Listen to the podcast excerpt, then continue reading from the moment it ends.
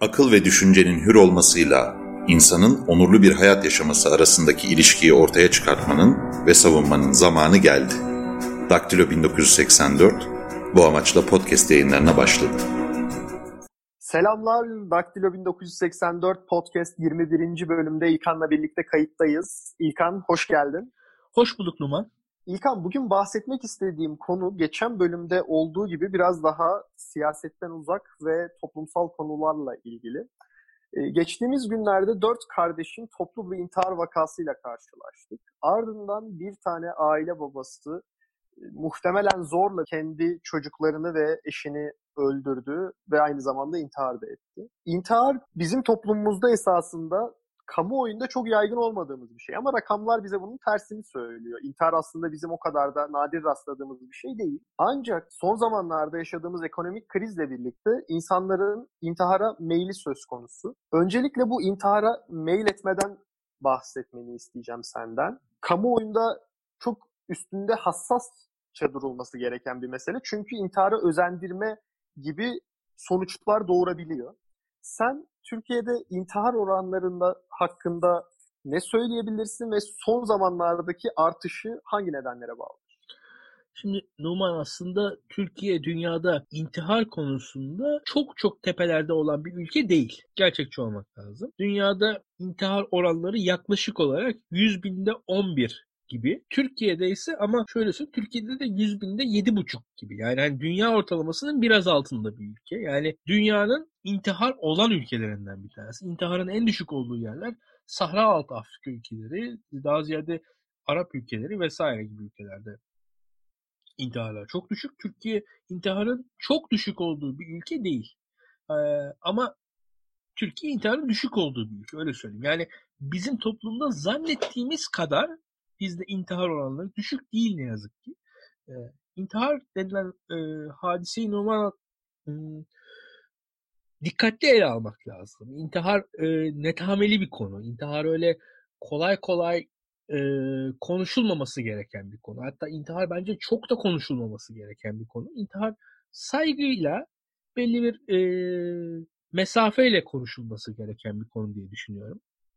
E, ve özellikle case by case gidilirse de e, kadın, erkek intiharları, intiharların yaş grupları oranları, hatta belki ötenazi üzerine falan ayrı ayrı konuşulabilecek bir konu. Ama e, belli kültürlerde daha sıkıntılı yerler var. Mesela Grönland gibi intiharın çok yüksek seviyelere ulaştığı yerler var. Ama daha ziyade bunun alkolizmle alakası kuranlar var. E, atıyorum intiharın çok yüksek olduğu enteresan ülkeler var dünyada. Mesela Sri Lanka gibi. Yani böyle enteresan yerler var dünyada. Ee, biraz tartışmalı da bu konu. Ee, istatistikleri nasıl tutulduğuyla alakalı. Mesela e, bizde yani herkesin zannettiği gibi öyle İsveç e, dünyada intiharda birinci falan bir ülke değil mesela. Yani. Öyle alakası yok İsveç'in. Ama şu intihar önemli mi? Önemli. Ee, benim açımdan e, meslek gruplarına dair intiharlar falan. Bu çok konu tartışılabilir. Bu tabii ki e, ekonomik koşullarla bugün paralel olarak değerlendirildi. Evet, ekonomik koşullar tabii ki intiharı e, tetikleyebilen şeyler ama bu işler ekonomik koşullarla da basitçe açıklanabilecek şeyler değil. E, netameli bir konu. E, bu konuda işte Durkheim'in eserlerini Türkçe'ye de biz biliyoruz ve burada intihar aslında toplumsal da bir e, e, bir şekilde bir söz olarak yani bir ifade biçiminde ad, diye de adlandıranlar var. Çok e, ama burada daha dikkatli olunması gerekiyor. E, bir noktada şu var. Toplumun e, e, insanlara bir şekilde dokunabilmesinin yollarının olması gerekiyor diye düşünüyorum. Yani bizim klasik e, geleneksel toplum daki akraba komşu ilişkilerinin yetmediği durumlar var. Demek ki daha formal ilişkilere de insanların ulaşabilmesi lazım. Nedir bu? Yani terapi imkanları çok basitçe söylemek gerekirse.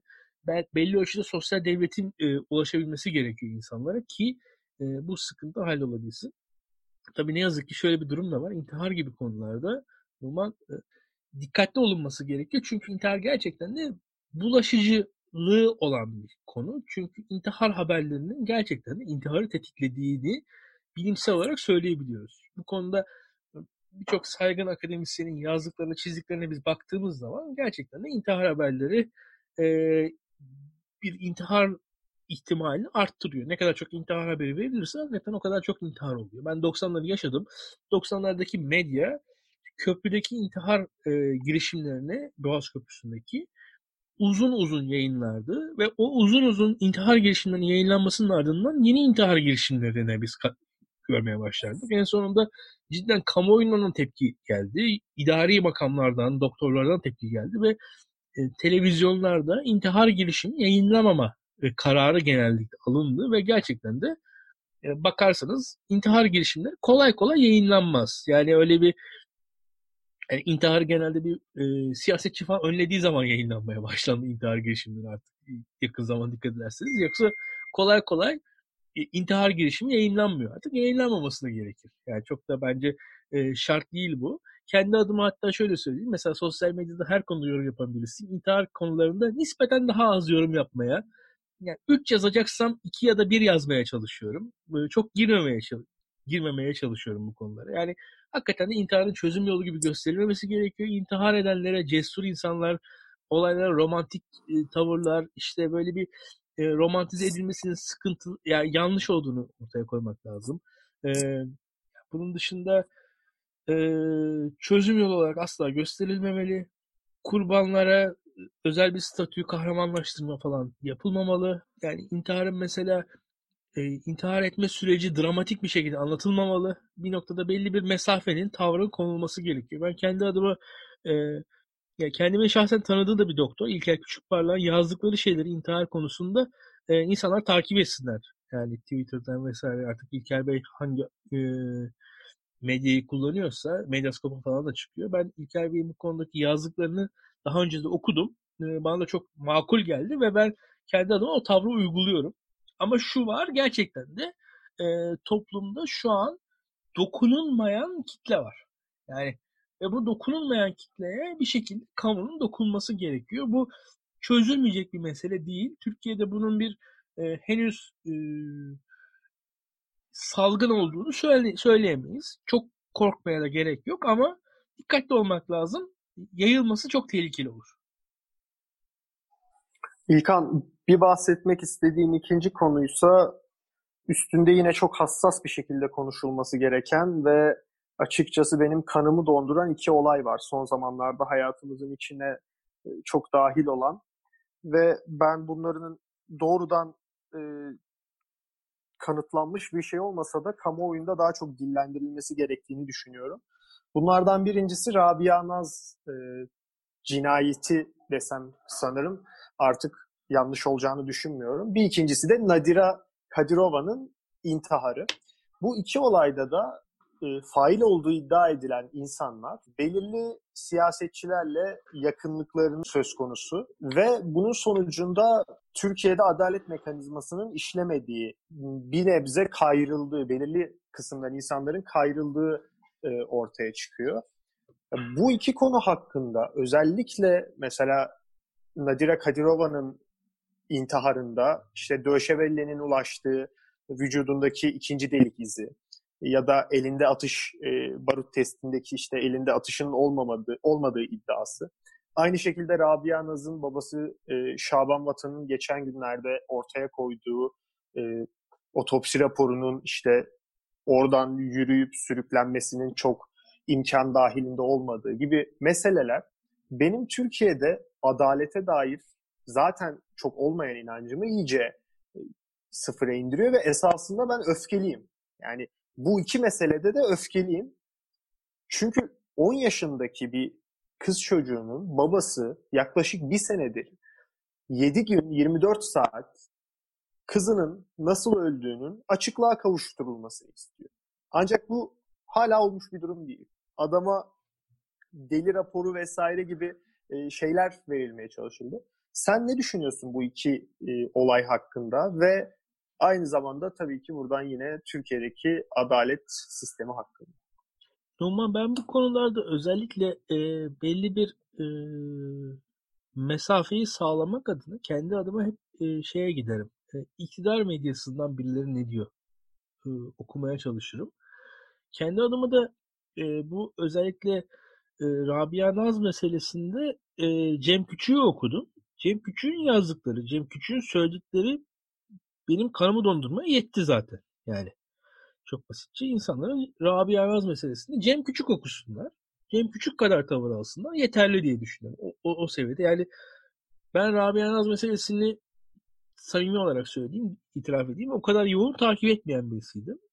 Ama e, dikkat ettikçe yani kabul edilebilir değil. Ve e, şeyi de görüyorsunuz. Bu işin e, gerçekleştiği yer küçük bir yer. Yani insanlar biliyorlar. İnsanlar kimin ne olduğunu falan biliyorlar orada. Yani bu e, şöyle bir durum vardır. E, yani İstanbul'da, İzmir'de falan, e, Ankara'da hani kim kime dumduma yerler de ki gibi değil. Burası zaten ufacık bir yer. Yani bu Giresun'un bir ilçesi diye hatırlıyorum. Eynesil olması lazım. Eynesil evet. Yani bu e, orası falan küçük bir yer. Ve, e, yani Cem Küçük de şuradan. Cem Küçük memleketi orasıymış bir de. Evet. Yani e, çok da e, saklayamıyorsunuz bazı şeyleri. Yani Eynesil'deki bir suçun ya zaten Eynesil'de bir suç işlerseniz belli olur kimin yaptığı. Yani çok da bir e, şüphe, şaibenin yaşanabileceği bir yer değil. E, fiziksel olarak zaten orası. E, o açıdan ben bu kadarını beklemiyordum. Yani hakikaten inanılmaz bir şey. E, hiçbir e, vicdana sığmayan bir şey. Ne yazık ki. Ya benim burada benim bir... burada kanımı donduran şey İlkan. Özür diliyorum araya girdim ama evet. bu, bu mesele benim gerçekten hassas olduğum bir mesele. Yani kamuoyu biliyor ki bu ölüm bir intihar değil. Ve birilerinin suçlu olduğunu da biliyoruz. Hiçbir şey yapamıyoruz. Doğru. Haklısın. Yani kötü müydü? Ee... Kötüydü. Türkiye'de politik suçlar var mıydı? Vardı. Ama bu artık bambaşka bir noktaya geldiğini gösteriyor. Yani haklısın. Haklısın. Bunun gerçekten izahı yok. Ben bir izah bulamıyorum açıkçası ve şöyle bir şey vardır. Mesela bir insanı öldürdüğünüz zaman siz devlet ölenin hakkına sahip çıkar.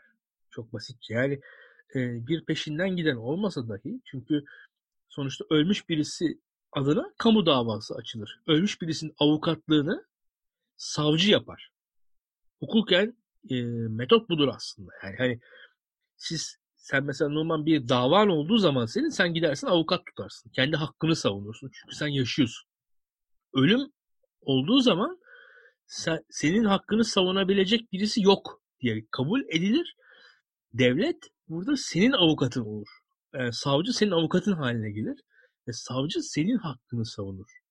Senin gıyabında aslında. Yani hani toplum senin hakkını savunur. Burada toplumun bir görev e, yani topluma da burada bir şey geçiyor artık muhtemelen. Toplumun da e, bu işi savcıya da bırakmadan toplumun bir görev alması gerekiyor. Ne yapalım? Yapılacak yap, yani tek söyleyebileceğim şey bu. E, savcı kelimesinin eski karşılıklarından birisi müddeyi umumidir. Yani yani umum adına iddia eden iddia makamıdır. Umum adına savcı iş yapar.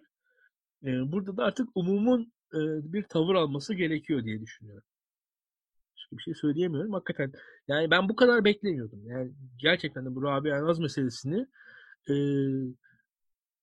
rezalet bir şey. Kabul edilebilir değil. Ya, çünkü kızın intihar etmediği falan açık. Açık yani. Ve bunu intihar etmiştir diye e, adlandırmaya çalışmak e, pek normal. Hani şu vardır bir tabii ki kaza olmuştur. Tabii ki şey, yani ama e, anlatılan hikayenin inandırıcılığı yok. Öyle söyleyeyim çok net yani. şekilde. E, Nadire Kadirova'da da insan çok üzülüyor. Şundan dolayı yani o intihar da olma ihtimali var diye düşünüyorum bir noktada. Emin değilim ama tabii ki. Cinayet de olabilir. Şu acı ama e, bu insanlar bu Orta Asya'dan e, Türkiye'ye gelen önemli sayıda insanlar. Bu işte göçmen meselesini konuşuyoruz. Mülteci meselesini konuşuyoruz bu zaman. Yani dünyada sahipsiz insanlar var. Gerçekten yazık. Ee, Özbekistan e, zaten devlet olarak da sorunlu bir devlet. Yani insanına falan sahip çıkmayan bir devlet. Ee, Türkiye'de biz de bizim de çok umurumuzda değil.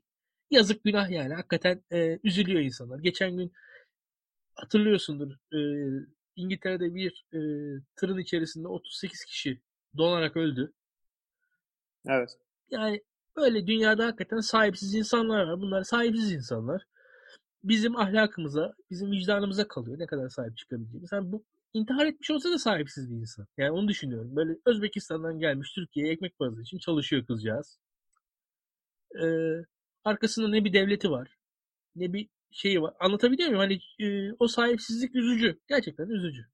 21. bölümün sonuna geldik. Çok teşekkür ediyorum yorumların için. Ben teşekkür ederim Numan. Bizi desteklemek isterseniz açıklamada Patreon hesabımızın linkini bulabilirsiniz. 2 dolar, 5 dolar gibi katkılarla kayıt ekipmanları ve kamera alacağız. Ee, gelecek bölümlerde görüşmek üzere. Hoşçakalın. Hoşçakalın.